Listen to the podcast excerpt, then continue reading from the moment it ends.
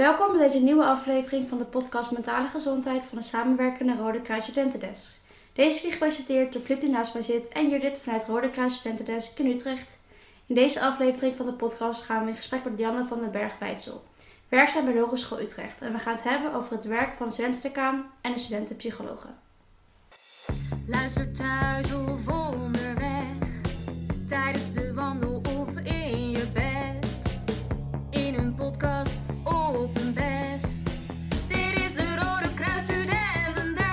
podcast. Degene die bij ons aan tafel zit en ons hier alles over kan vertellen is Lianne van den Berg. Zij is studentendecaan van de Hogeschool Utrecht en ondersteunt studenten met informatie, advies en begeleiding bij het aanpakken van vragen en problemen tijdens hun studie. Zij werkt nauw samen met de studentenpsychologen en weet hier dus alles vanaf. Eh, nou, voordat we gaan beginnen willen we jou graag uh, eerst wat beter leren kennen.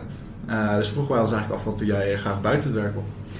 Oh, wat ik buiten het werk om doe. nou, wij hebben een, een camper. Dus ik ga er graag op uit met de camper en met mijn gezin. Mijn kinderen worden wel, wel groter, dus het wordt steeds minder kind mee en vooral met z'n tweeën. Maar dat is ook heel gezellig.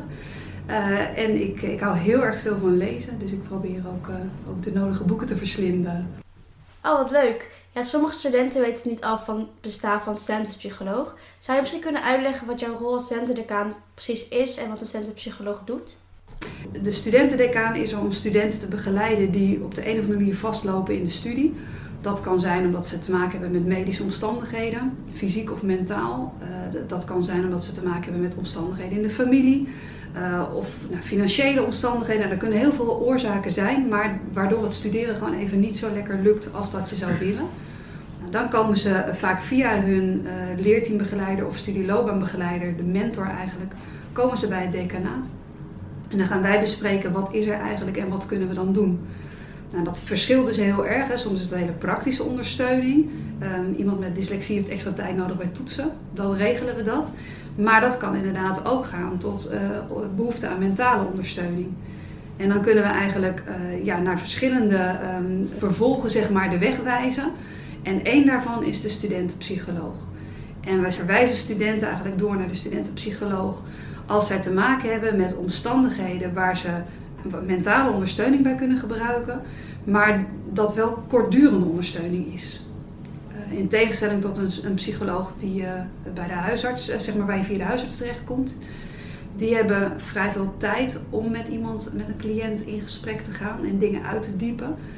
een studentenpsycholoog heeft maar heel korte tijd, drie, vier gesprekken en dan moet het eigenlijk alweer zo zijn dat de student verder kan. Dus het zijn vaak de wat uh, meer studiegerelateerde, um, ik zou niet willen zeggen kleinere problematieken, maar wel vaak problematieken die in ieder geval in korte tijd uh, hanteerbaar te maken zijn. Uh, waarna de student weer door kan. Dus gewoon even kortdurend een steuntje in de rug. Dat is eigenlijk meer wat de studentenpsycholoog dan biedt. Ja, want jij bent als studentendecaan dus werkzaam op de Hogeschool Utrecht. Het is heel handig om te weten dat bij verschillende onderwijsinstellingen het vragen om hulp van een studentenpsycholoog er ook weer anders uitziet. Dus het is goed om bij een mentor of decaan te controleren hoe het bij jou op de studie hulp kunt krijgen. En kun je bij de Hogeschool Utrecht ook direct in contact komen met de studentenpsycholoog of ziet dat er anders uit? Nee, studenten kunnen niet rechtstreeks naar de studentenpsycholoog. En dat heeft er vooral mee te maken dat, dat veel van de studenten die komen met een vraag om mentale ondersteuning, uh, niet op de juiste plek zijn als ze bij studentenpsycholoog terechtkomen. Dus wij gaan eigenlijk eerst uitvragen van wat er nou eigenlijk speelt. Ook om te kijken of er misschien andere ondersteuning nodig is. Uh, en, en dan gaan we ook het verschil bespreken tussen wat de studentenpsycholoog kan bieden, dus die kortdurende ondersteuning, en wat de psycholoog via de huisarts kan bieden, langduriger, diepgaandere ondersteuning. En dan maken, proberen we in ieder geval met de student al een goede selectie te maken, waar ben je nou het best op je plek. En vervolgens gaat de studentenpsycholoog, als we daar naar doorverwijzen, ook nog een keer in een intake dat doen. Maar je kunt dus niet rechtstreeks naar de studentenpsycholoog, gaat altijd via de decaan. Omdat de studentenpsycholoog maar een deel van het aanbod is wat we hebben om studenten te ondersteunen. Uh, we, we, hebben ook trainingen vanuit ons Student Support Center op gebied van, van welzijn en ook mentaal welzijn. Uh, we hebben ook uh, online modules voor mentale fitheid, zoals we noemen e-health eigenlijk. Daar kunnen studenten ook naar doorverwijzen. Dus de studentenpsycholoog is niet altijd het antwoord op wat de student nodig heeft. Oh ja, maar is ook wel erg fijn, want dan is het ook soort van de brug naar de juiste hulp of niet zo'n student zelf echt aan te kloppen bij een studentpsycholoog. En het lijkt best een grote stap voor iemand. Ja, daar heb je ook gelijk in. Het is inderdaad eh, het is een brug waardoor we eh, nou ja, hopelijk eh, zoveel mogelijk de studenten op de goede plek weten te krijgen.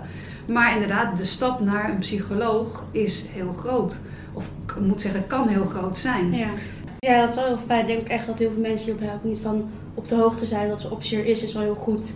Ja, ik ben ook heel blij dat, dat de optie er is. En eh, het, het fijne is denk ik dat elke student heeft een, een studieloopbaanbegeleider of een leerteambegeleider. Dat, dat heet soms wat anders per, per opleiding.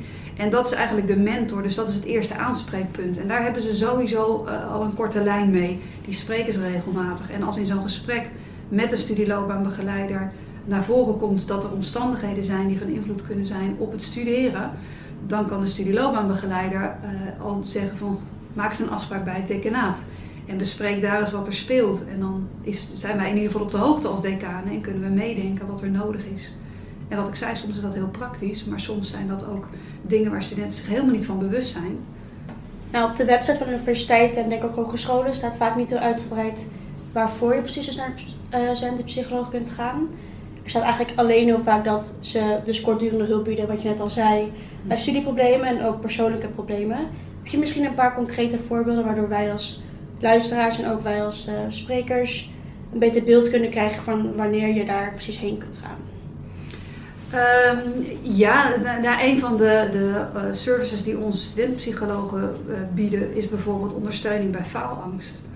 Uh, en dat kan dan op twee manieren. dus een, als een student bij mij komt met faalangstklachten of mogen, ja, onzekerheid rondom toetsen, dat, als dat naar voren komt uit een gesprek, dan kan ik ze doorverwijzen. En dan gaan ze in eerste instantie in het intakegesprek met de studentenpsycholoog bespreken van oké, wat speelt er? En van daaruit wordt er samen gekeken naar welke ondersteuning het beste is.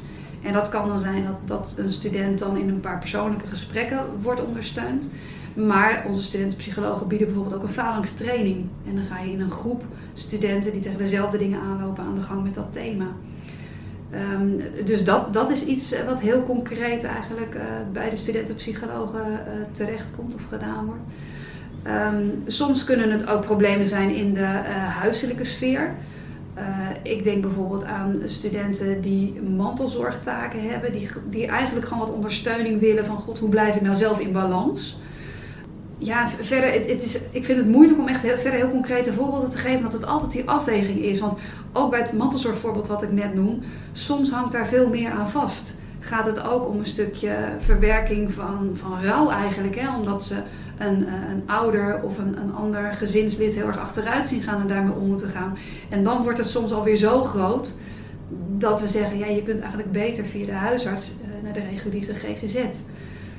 Dus het, het moeten eigenlijk die, die kortdurende dingen zijn. Dat je, ja, het gaat even niet lekker, maar even wat ondersteuning. Van, goh, hoe kan ik dat nou oppakken? Hoe kan ik dat een plek geven? Hoe kan ik iets hanteerbaar maken, zodat het me niet in de weg zit bij mijn studeren? Ja, de studenten komen met een heel breed scala aan problemen eigenlijk bij jou, bij jou aan. Uh, en wanneer is het dan het moment dat je denkt, oké, deze persoon die moet uh, doorverwezen worden naar een psycholoog? Want wat, wat is daar de doorslaggevende factor? Dat is wel een hele lastige vraag, want dat, dat, uh, dat heeft te maken met wat, wat een student vertelt. Waarom komt hij bij je? Uh, en, en dat kan um, inderdaad heel, heel simpel of heel concreet zijn. Met, ja, weet je, het gaat op zich best goed met mijn studie. Verslagen inleveren lukt wel, maar als ik op het tentamen zit, dan krijg ik een blackout. Ik, ik, het zweet breekt me aan alle kanten uit. En, en kijk maar in mijn studievoortgang. Je ziet dus ook dat ik al mijn tentamens niet haal nou ja, dan, dan is het vaak wel dat bij ons een kwartje valt van, nou, dat zijn uh, faalangstklachten. En dan verwijzen we door naar een studentenpsycholoog. Um, soms zijn er ook uh, ja, problemen in de huiselijke sfeer. Uh, en dan, dan, dan hoor je vaak heel grote verhalen, spelen er heel veel dingen mee. En dan vragen we ook wel aan studenten van, ja, heb je behoefte aan een stukje mentale ondersteuning? Of heb je wel eens uh, erover nagedacht uh, of je met iemand wil praten hierover? En dan gaan we van daaruit eigenlijk kijken, ja, waar ben je dan het beste op je plek? En soms heb ik ook studenten die heel gericht binnenkomen en die zeggen, ik wil een verwijzing naar de studentenpsycholoog. En dan is mijn vraag, ja, waarom? En dan komt er een verhaal en dan kan, kan ik een inschatting maken van, is dat wel of niet um, passend? Soms komen studenten ook binnen dat ze bij de huisarts geweest zijn. Dat die heeft gezegd, ja, het is heel druk bij de psycholoog. Dus ga maar naar je schoolpsycholoog. Ja, dan moet ik vaak uitleggen dat het helaas niet zo eenvoudig is als dat de huisarts het soms inschat. En dan stuur ik ze soms toch weer terug. Ja, dat was eigenlijk meteen mijn tweede vraag. Want studenten kunnen natuurlijk ook naar een psycholoog van buitenaf. Dat is misschien voor sommige mensen klinkt dat juist als veel verder weg. En voor anderen denken misschien school en privé we ook gewoon uh, gescheiden houden. Uh, wat is eigenlijk een beetje het verschil tussen deze psychologen uh, van de universiteit en hogeschool en die van buitenaf? Ja, dat, dat zit eigenlijk vooral in de ruimte die ze hebben om mensen te begeleiden qua kennis en kunde zit er niet veel verschil tussen. De studentenpsychologen hier zijn ook heel goed geschoold. Sommigen werken ook buiten de hogeschool nog, nog in, een, in, een, eigen praktijk of in een andere praktijk. Dus soms combineren ze eigenlijk beide dingen ook in hun totale beroepsleven. Um, dus qua kennis en kunde is het niet heel veel, maar het verschil zit vooral in wat ze kunnen bieden. Hebben jullie dan ook wel eens dat er iemand aankomt en je denkt, je hebt wel echt specialistische hulp nodig, dat je gelijk iemand ook kan helpen met een doorverwijzing naar de huisarts of naar een, uh, echt een zorgaanbieder, zeg maar? Naar een huisarts wel, maar ik ben niet geschoold als studentendecaan om, om daar echt een diagnose te stellen of wat dan ook. Dus dat doe ik nooit. Ik, ik kan inmiddels natuurlijk wel heel goed proeven uit wat een student vertelt uh, of er iets nodig is. En dan heb ik soms zelf wel een gevoel van, nou dat, dat kan nog wel bij een praktijkondersteuner of hier zou wel eens nog een specialistischer traject op kunnen volgen. Maar dat is meer zeg maar, op basis van alles wat ik inmiddels gehoord heb en een soort nou ja, ervaringsgevoel wat ik dan heb. Als dat ik dat echt uh, uit, uit kennis en kunde kan stellen. Dus ik zal nooit een diagnose stellen. Ik zal wel verwijzen naar de huisarts. Uh, en die kan dan vervolgens doorverwijzen. Ja, dat begrijp ik. Maar wel dat je dan in die verschillende gradaties wel kunt zien van goh, ik merk wel deze student wat meer nodig heeft dan dat wij hem aan kunnen bieden. Dat sowieso wel, ja. Uh, en, en ook het feit dat, dat er uh, een soort van uitzichtloosheid uh, is nog in deze situatie, dat doet ook veel mensen geen goed. Um, maar wat ik wel denk, wat we niet moeten vergeten, is dat we, als we het over studenten hebben, te maken hebben met een leeftijdsgroep die in een fase van hun leven zit waarin heel veel verandert. Uh, de, uh, uit huis gaan, uh, heel, heel opnieuw eigenlijk je leven inrichten, een beetje losmaken van je, van je familie misschien, een, een, nieuwe sociale context opbouwen, aansluiting vinden, gaan studeren waar veel meer zelfstandigheid wordt gevraagd. ja, ook daarbij misschien wel je hele leven meer moeten regelen omdat je op jezelf woont en ineens een huishouden erbij hebt. Hè. Dus er gebeurt heel veel in deze levensfase. En dat, dat brengt ook een bepaalde onzekerheid sowieso al mee, waardoor deze fase best spannend is. En als er dan zo'n pandemie overheen waar niemand ooit mee te maken heeft gehad en waar je moeilijk mee omgaat, of ja, niet zo goed weet hoe je daarmee om moet gaan, dan maakt dat het zoekende nog meer. Ja, we moeten daarbij niet uit het oog verliezen dat we ook tegelijkertijd te maken hebben met jonge mensen die ook nog heel veerkrachtig zijn. Dus we, er wordt heel veel gesproken en terecht hoor. We moeten dat goed in het oog houden dat er zorg is over mentale welzijn. Um, maar ik vind ook dat we heel goed moeten, in het oog moeten houden dat we ook de veerkracht aan blijven spreken. Dus uh, ik denk dat daar ook een belangrijke taak voor ons allemaal weggelegd is. Dat we studenten helpen om ook hun eigen kracht te blijven zien. Ja, dat de focus ook niet uh, hoeft te liggen op wat misschien minder gaat door corona. Nee, zonder, zonder dat, dat te bagatelliseren of niet te erkennen. We moeten het erkennen, maar het, het, plaatje is niet altijd zo zwart als dat het soms in de media geschetst wordt. En dat vind ik wel belangrijk dat we dat ook heel erg in het oog houden. Denk je dat het vragen om hulp moeilijker is door de coronapandemie? En omdat het natuurlijk ook een taboe heerst op het onderwerp? Uh, Jazeker, dat, dat speelt mee. Maar voor, voor mijn gevoel linkt dat niet zo heel erg aan corona. Want voor corona sprak ik ook al heel regelmatig studenten die eigenlijk te laat bij ons terechtkwamen. En als ik dan vroeg van, joh, waarom ben je niet eerder gekomen? Ja, maar ik vond dat ik het zelf moest doen.